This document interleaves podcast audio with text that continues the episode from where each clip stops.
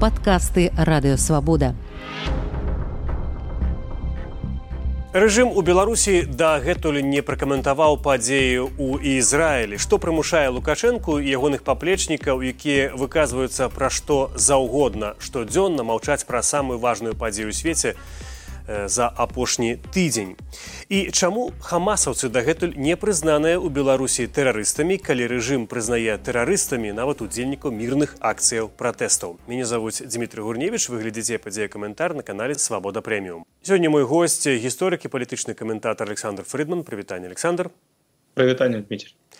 Александр першае пытанне я ведаю што вы толькі вярнуліся з Ізраілю расскажыце калі ласка як зараз выглядаюць пералёты транспарт пытанні бяспекі таму што па тэлевізор гэта можа выглядаць зусім інакш чым чалавек бачыць гэта на месцы падзею Ну яны выглядаюць насамрэч досыць цяжка некаторыя еўрапейскія краіны пачынаюць уже на, на гэтым тыдні пачалі эвакуацыю сваіх грамадзянаў з Ізраіля адначасова шэраг авіякампанію асабліва заходнееўрапейскіх і амерыканскіх адмянілі свае рэйсы у Ізраіль так што в гэтым сэнсе сітуацыя досыць напружаная асабліва сярод замежных турыстаў які імкнуцца пакінуць Ізраіль ну ёсць рэйсы ізраільскай авіякампаніі эль-аль да апошняга часу таксама актыўна ляталі кіпарскія авіякампаніі но як мне падаецца яны спынілі гэта ўжо то бок магчымасці пакінуць Ізраіль яны прысутнічаюць но гэта досыць складана і тут яшчэ трэба ўлічваць такі чыннік як сітуацыю аэрапорце бенгурыён міжнародным аэрапорце ў тэлявіве справа ў тым што ён з'яўляецца мэтай хамасаўскіх тэрарыстаў там у раз пораз яны імкнуцца абстрэльваць таксама аэрапорт. Ну выніку там канешне шмат людзей такія раз пораз хатычныя сітуацыі але нейкай там панікі напружанасці няма ўсё працуе як мае быць. Давайте зараз трошки да беларусі а пазней вернемся яшчэ непасрэдна ў ізраілі пра ваши пра вашы досвед паговорым тыдзень александр лукашенко яны паплечнікі дэманстратыўна маўчаць пра падзеі ў ізраілі пра атаку хамасу хаця ўжо выказваюцца і суседнія лідары владимир путин выказаўся і здавалася б нічога не замінае лукашенко хаця б нават паўтарыць тое што сказаў путин але дагэтуль это не зроблена прынамсі вот сёння у бішкеку саммит снд і вось на момант запісу гэтай праграмы гэта практычна вечар ужо пятніцу ў менску і ані слова лукашенко не сказана чаму Ну першы гэта такі мне падаецца ўсё ж такі асабісты момант. Александр лукашенко гэта чалавек які яўрэйскую альбо ізраильскую тэму ён яе абыходзіць бокам. Ён не мона ему не падабаецца яна ему асабліва не цікавая ён не там у яго і асаблівых ведаў вядома ж няма. У яго ёсць гэты савецкі бэкграунд з часоў праца агітатараў кіраўніцтва гэтага таварыства таварыства веды. І адпаведныя як мне падаецца галоўным чынам ўсё ж такі негатыўныя погляды на Ізраіль. Але ён для сябе лічыць што гэтая тэма гэта не тая тэма якую там трэба чапаць таму ён яе і абыходзіць увагай. Это першы момант. Ну а другі момант ўсё ж такі ён як такі канспіролог які лічыць што гэтым светом запраўляе злучаныя штаты і таксама яўрэйскай лобі думаю такія погляды у яго есть ён для сябе вырашыў ну лепш нічога не выказвацца ўвогуле а тут вось яшчэ нешта скажаш і будзе ўспрынята не вельмі добра. Тым больш што супраць лукашенко ўжо неаднаразова вылучаліся абвінавачанні ў антысемітызме. Так што мне падаецца ён вырашыў для сябе гэтую тэму просто не чапаць.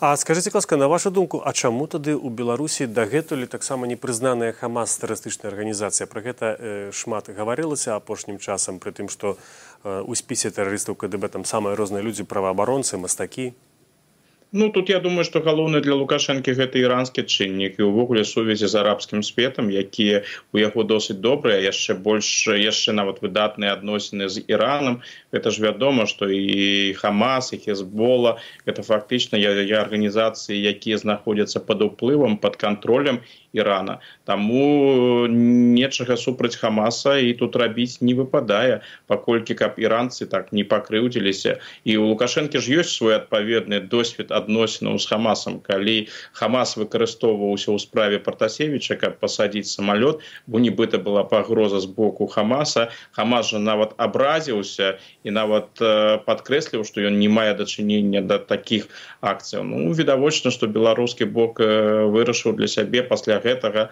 21 года хамас больш таксама не чапаць і не рабіць нейкіх крокаў у дачыненні хамаса. Тым больш што калі вось зараз хамас будзе прызнаны напрыклад тэрарыстычнай арганізацыі гэта не вельмі добра ўспрымуць у том же у тым жа ірані. Лукашенко гэта не трэба ці вы бачылі дарэчы рэакцыю ў першы ж дзень атакі хамасу супраць ізраіля рэакцыю мзс ён заклікаў да да эскаляцыі канфлікту правда не называючы увогуле хто на каго напаў хто там вінаваты або прынамсі хто мае дэскаляваць або хто зрабіць першы крок. Як вы самі разумееце гэтую дэкларацыю чаму яна была зроблена таксама у такім вось абсалютна безасабовым безасабовай форме Ну, той момант э, беларускі МЗС фактычна капіраваў тое, што делае тое, што робіць расійскі бок. Тут ім не трэба нейкую праяўляць ініцыятыву, цікавасць. Яны проста капіруюць тое, што любяць Расія, тое, што робяць расіяне і не робяць нейкіх такіх надзвычайных э, крокаў. Ну вось напрыклад, э, там же таксама падчас э, тэрарыстычных атакаў з боку Хамаса загінулі грамадзяне рассіі. Грамадзяне рассіі відавочна былі знаходзяцца ў закладніках на тэрыторыі сектару газа загінулі і грамадзяне беларусі наколькі я разумею і выхадцы з беларусі ну было б лагічна прынамсі лагічна каб беларускі мзс ну, лукашенко ну выразілі нейкае спачуванне блізкім і родным так ці інакш это ж людзі якія паходзяць беларусі якія звязаны з беларусю але гэтага нічога не робіцца каб яшчэ раз падкрэсліць што вось тыя людзі якія знаходзяцца там яны не маюць да беларусі ніякага дачынення. І што Беларусь у гэтым канфлікце назовем гэта так з боку афіцыйнага займае нейтральную пазіцыю. Галоўная Беларусь супраць войны А хто там правы хто вінаваты хто на каго напаў гэта беларускі бок відавочна не цікавіць. Давайте зараз паговорым непасрэдна вось пра падзею самім ізраілі. Скажитеце класка як на вашу думку ці як прынамсі ў ізраілі тлумачыць на што спадзяваўся хамас з гэтай атакай? Бо гэта пару сотняў баевікоў якія канешне вельмі гэта зрабілі відовішна так напалі з, з аўтаматамі або на гэтых парапланах. Тым не менш ну немагчыма захапіць ізраіль пры дапамозе такой колькасці баевікоў Ну гісторыя у гісторыі Ізраіля канешне гэтая дата застанецца сёмага кастрычніка і пасля сёмага кастрычніка пачаўся новы этап у ізраільскай гісторыі. Хамас дасягнуў значных поспехаў свайго боку так? Ён захапіў пэўныя тэрыторыі на кароткі час але ўсё ж таки захапіў. Ён паказаў слабасць Ізраіля. Ізраіль быў не падрыхтаваны да гэтага нападу. Ну будуць яшчэ спрэчкі гэта будзе высвятляцца чаму быў не падрыхтаваны так ці інакш не было падрыхтавана войска не былі падрыхтаваны спецслужбы і для хамаса гэта был значны прапагандысцкі поспех відавочна той поспех які хамас не чакаў. Як мне падаецца іх мэта была зайсці показать слабасць і дайсці да ўзроўня кантраляванай эскалацыі. А ім утрымалася так далёка прасунуцца што яны напэўна самі здзявіліся здзівіліся свайму свайму поспеху. Гэта такі першы момант звязаны. Другі момант ён мае ўжо агульны бліж блізкаўсходні кантэкст. Справа ў тым што блізкі ўсход это по-ранейшаму той рэгіён дзе ты павінен паказваць сябе моцным. Калі ты не моцны калі ты слабы то у цябе няма будучыні. І тут хамас дасягнуў значнага псіхалагічнага поспеху і гэта можа заахвоціць і астатніх гульцоў тую ж хізболу сірыю і іншых то бок э, важно было ў гэтым выпадку для хамасаўскага боку за якім відавочна стаіць іран паглядзець у якім стане знаходзіцца на дадзены момант дзяржавы ізраілі як гэты стан можна выкарыстаць. Поспех у іх быў і таму ізраиль цяпер імкнецца адказаць максімальна жорстка каб гісторыя не паўтарылася каб астатнім у астатніх знікла жаданне зрабіць ці паспрабаваць зрабіць ізраілем тое што паспрабаваў зрабіць камасу як ім увогуле ўдалося вось так знянацку напасці ўжо прынпе тлумачылі як гэта адбывалася але незразумела чаму гэта так адбылося таму што ізраільскае войска заўсёды ставіцца ў прыклад у свеце ізраільскія спецслужбы масадчынбет это заўсёды называюцца ў топе найлепшых спецслужбаў свету Ну что тычыцца что тычыцца войска відавочна там былі слабыя падраздзяленні бо не чакаў ніхто не чакаў агрэсіі з гэтага боку. Калі я знаходзіўся на ў Ізраілі на мінулым тыдні калі я размаўляў з рознымі экспертамі наконт будучыні ці магчыма вайна яны казалі так усё магчыма але гэта паўночны напрамак гэта хезбала мы арыентуемся менавіта туды. Там там наши галоўныя праблемы.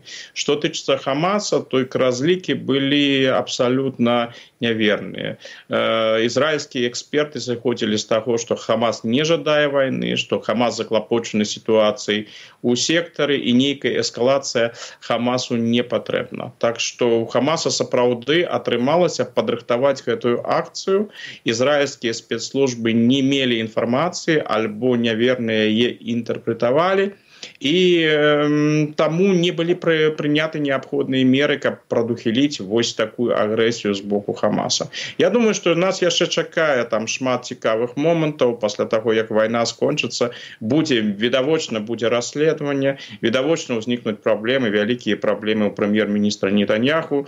Бо сёмага галоўнае пытанне сёмага кастрычніка было менавіта ў тым як у ізраильскі ўрад дапусціў такую сітуацыю як гэта магло адбыцца. І адказ на гэтае пытанне ён відавочна будзе будзе адказ непрыемны для урада таму мне падаецца што палітычная кар'ера беньяміна нетаньяху галоўным чынам уже скончана. Я хацеў бы пагаварыць менавіта пра настрой сярод ізраільцянаў, таму што традыцыйна ў Ізраілі вялікай частка грамадства выказвалася в прынцыпе за мір з палестынцамі за нейкія перамовы і вось нават у гэтым кантэксце мы памятаем пра гэты рэйф так непадалёк ад сектара газы дзе людзі танцавалі быў канцэрт а пазней іх хамасуцы расстралялі. Ці зменіць падзеі якія пачаліся сёмага кастрычніка вось гэты настрой на перамовы все ж таки грамадства больш зрадыкалізуецца ў ізраілі і знікнуць тыя прыхільнікі перамоваў мяне вось за два за два дні да пачатку войны у мяне была сустрэча у хайфе з маім добрым сябрам ізраильскім гісторыкам леонидам рэйнам і у размове леонид падкрэсліў што ізраильскае грамадства з яго пункту гледжання ён жыве ў ізраілю з пачатку 90-х ізраильскае грамадства яшчэ не было ніколі ў такім дрэнным расколатым стане як вось зараз. то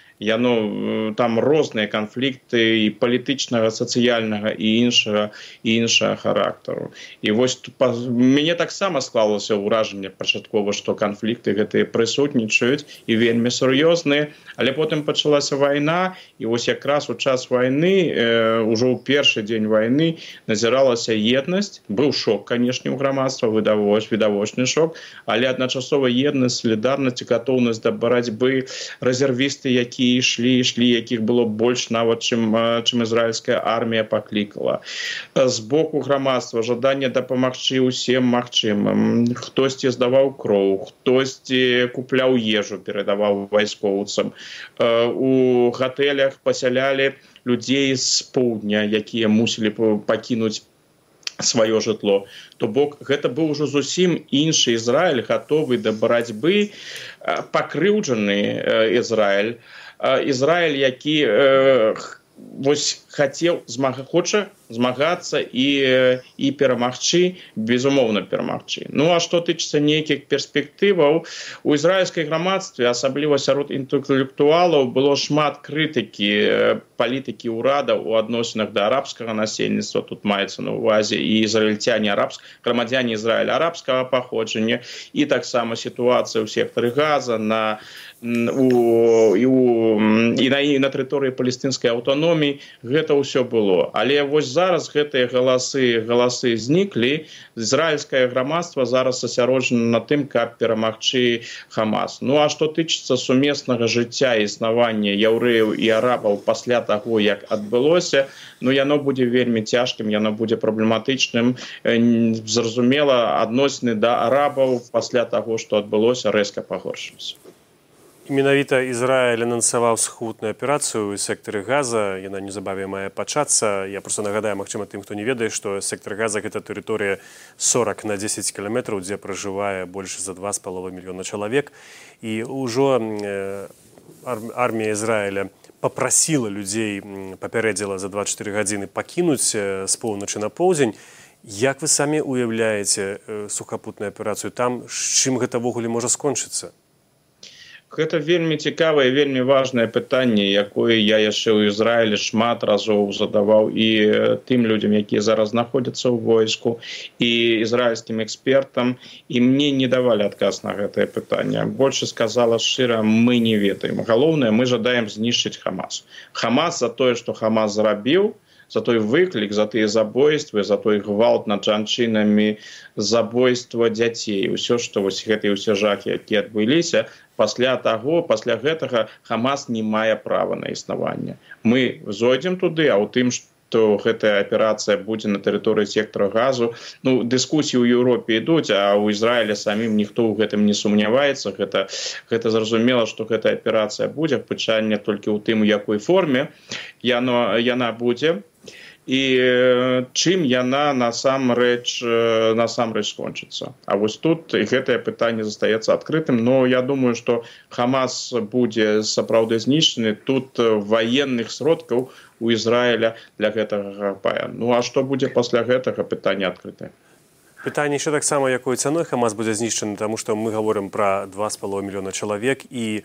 по вялікім рахунку невядома до конца колькі з іх падтрымлівае тэрарыстаў з хамасу колькі не падтрымлівае. І ці правільна что ўсё палестынскае насельніцтва будзе несці такую калектыўную адказнасць за дзеянні хамасу.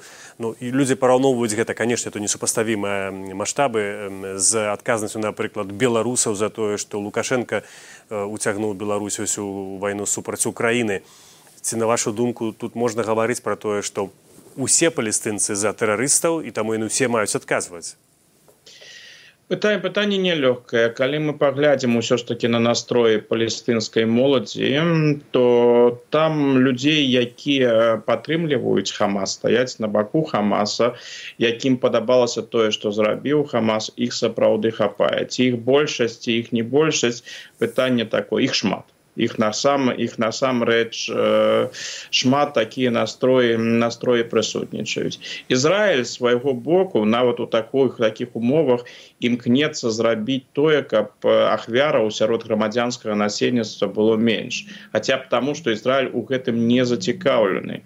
Калі ахвяраў будзе сапраўды яшчэ больш і больш а у хамаса вельмі добра працуе прапаганда яны будуць распаўсюджваць гэтыя фото відэо у іх увогуле гэтые пытанні пытанні маральнасці ці можна там э, нейкія відэа з забітымі дзецьмі распаўсюджваць іншае у іх такіх пытанняў не ўзнікае ўсё ўсё пасуе ўсё распаўсюджваецца ўсё добра калі гэта будзе працягвацца канешне гэта будзе гуляць не на карысць папулярнасці Ізраіля і асабліва што тычыцца падтрымкі Ізраіля Ізраіля ў Еўропе Таму Ізраіль і заклікае яшчэ ў сёмага заклікаў арабскае насельніцтва палесцінскае насельніцтва пакінуць сектор газа. Ну першае хамас у гэтым не зацікаў зацікаўлены бо ім хамазу не патрэбны палесцінскія уцікачы я не ведаю там в умоўным егіпце. З хамазу патрэбны карцінкі ізраільскіх ваенных злачынстваў і вось над гэтым хамас будзе працаваць там ён просто не дазваляе людзям пакінуць тэрыторыю сектара Ну і тут ёсць канешне пазіцыі егіпта егіпет таксама не зацікаўлены у гэтых уцікачах з палестыны таму і мяжа фактычна зачынена так что палестынцы якія там засталіся яны з'яўляюцца закладнікамі сітуацыі. А што тычыцца Ізраіля ну Ізраиль гэта па шчырасці асабліва не цікавіць. Ізраиль займаецца сваімі справамі Ізраиль адказвае на гэтую агрэсію і Ізраиль помсціць. Александр А ці ёсць у палестыне на сектор газа сілы памяркоўныя якія таксама заклікаюць да нейкіх перамоваў да міру да тых пагадненняў якія хамасам былі сарваныя ў 2007 годзе ну у сектары газа там фактычна установлена дыктатура хамасу. Ёсць розныя публікацыі наконт сектора газа там ж раз пораз ідуць публікацыі пра незадаволенасць. Але ж гэта дыктатарскі рэжым і вельмі жорсткі дыктатарскі рэжым. Таму цяжка насамрэч нешта сказаць пра стаўленне насельніцтва. Я думаю канешне там ёсць людзі якія хамасам і незадаволены якім гэта не не падабаецца.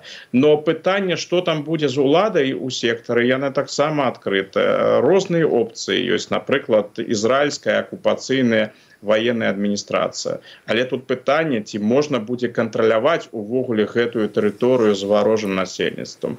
Іншае пытанне што можа перадаць гэтую тэрыторыю под контроль палестынскай аўтаноміі. Але махмуду абасу гэтыя палестынцы не патрэбны. Ён ведае што яго там не паважаюць да яго ставяцца дрэнна. Ну і ўзяць уладу над сектарам газу з рук ізраільцян гэта таксама вельмі дрэнны крок для самого абаса Мачыма знойдуцца нейкія палітычныя сілы унутры унутры сектара якіх пакуль асабліва не бачна. Мачыма будзе нейкі раскол хамаса. Ну раз пораз выказваецца нават такі пункт гледжання што магчыма егіпцяне пожадаюць узяць сектор газа под свой контроль. Сектор газа і знаходзіўся под егіпетскім контролем до 67 -го года. Але мне гэта падаецца ўсё фантастычным э, бо хамас гэта фактычна тая ж групоўка братоў мусульманаў якая у егіпте пераследуецца навошта егіпцянам патрэбна гэтая тэрыторыя у такім жахлівым стане ды яшчэ з таким радыкальным насельніцтвом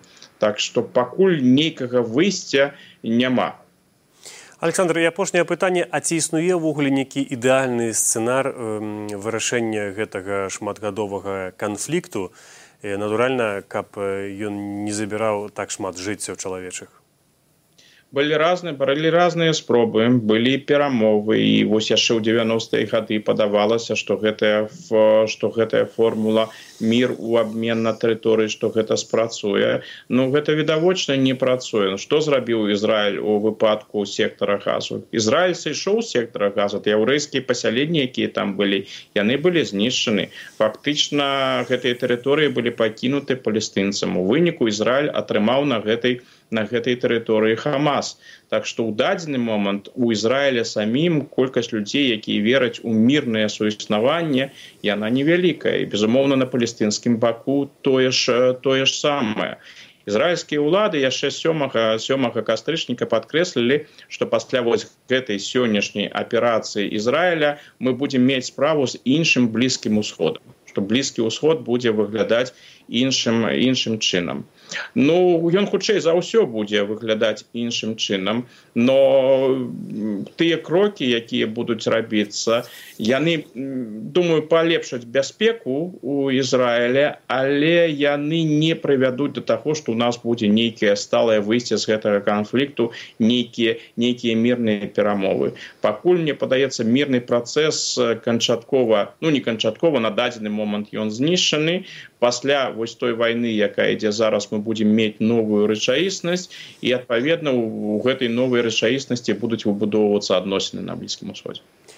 Дякую вялікі Александр. Я нагадаю нашим гледачам што сёння маім госцем быў гісторыкі палітычны каментатор Александр фрыдман які толькі вярнуўся ў Еўропу з Ізраіля а для вас працаваў празе ядзьмітвіч выглядзелі канал свабода прэміум Дякуй за тое што былі разам з намі. Бывайце і заставайцеся са свабодай Вы слухали падкаст радыёвабода. Усе падкасты свабоды ў інтэрнэце на адрасе свабода кропка орг. Штодня у любы час у любым месцы, калі зручна вам. Свабода кропка орг. Ваша свабода.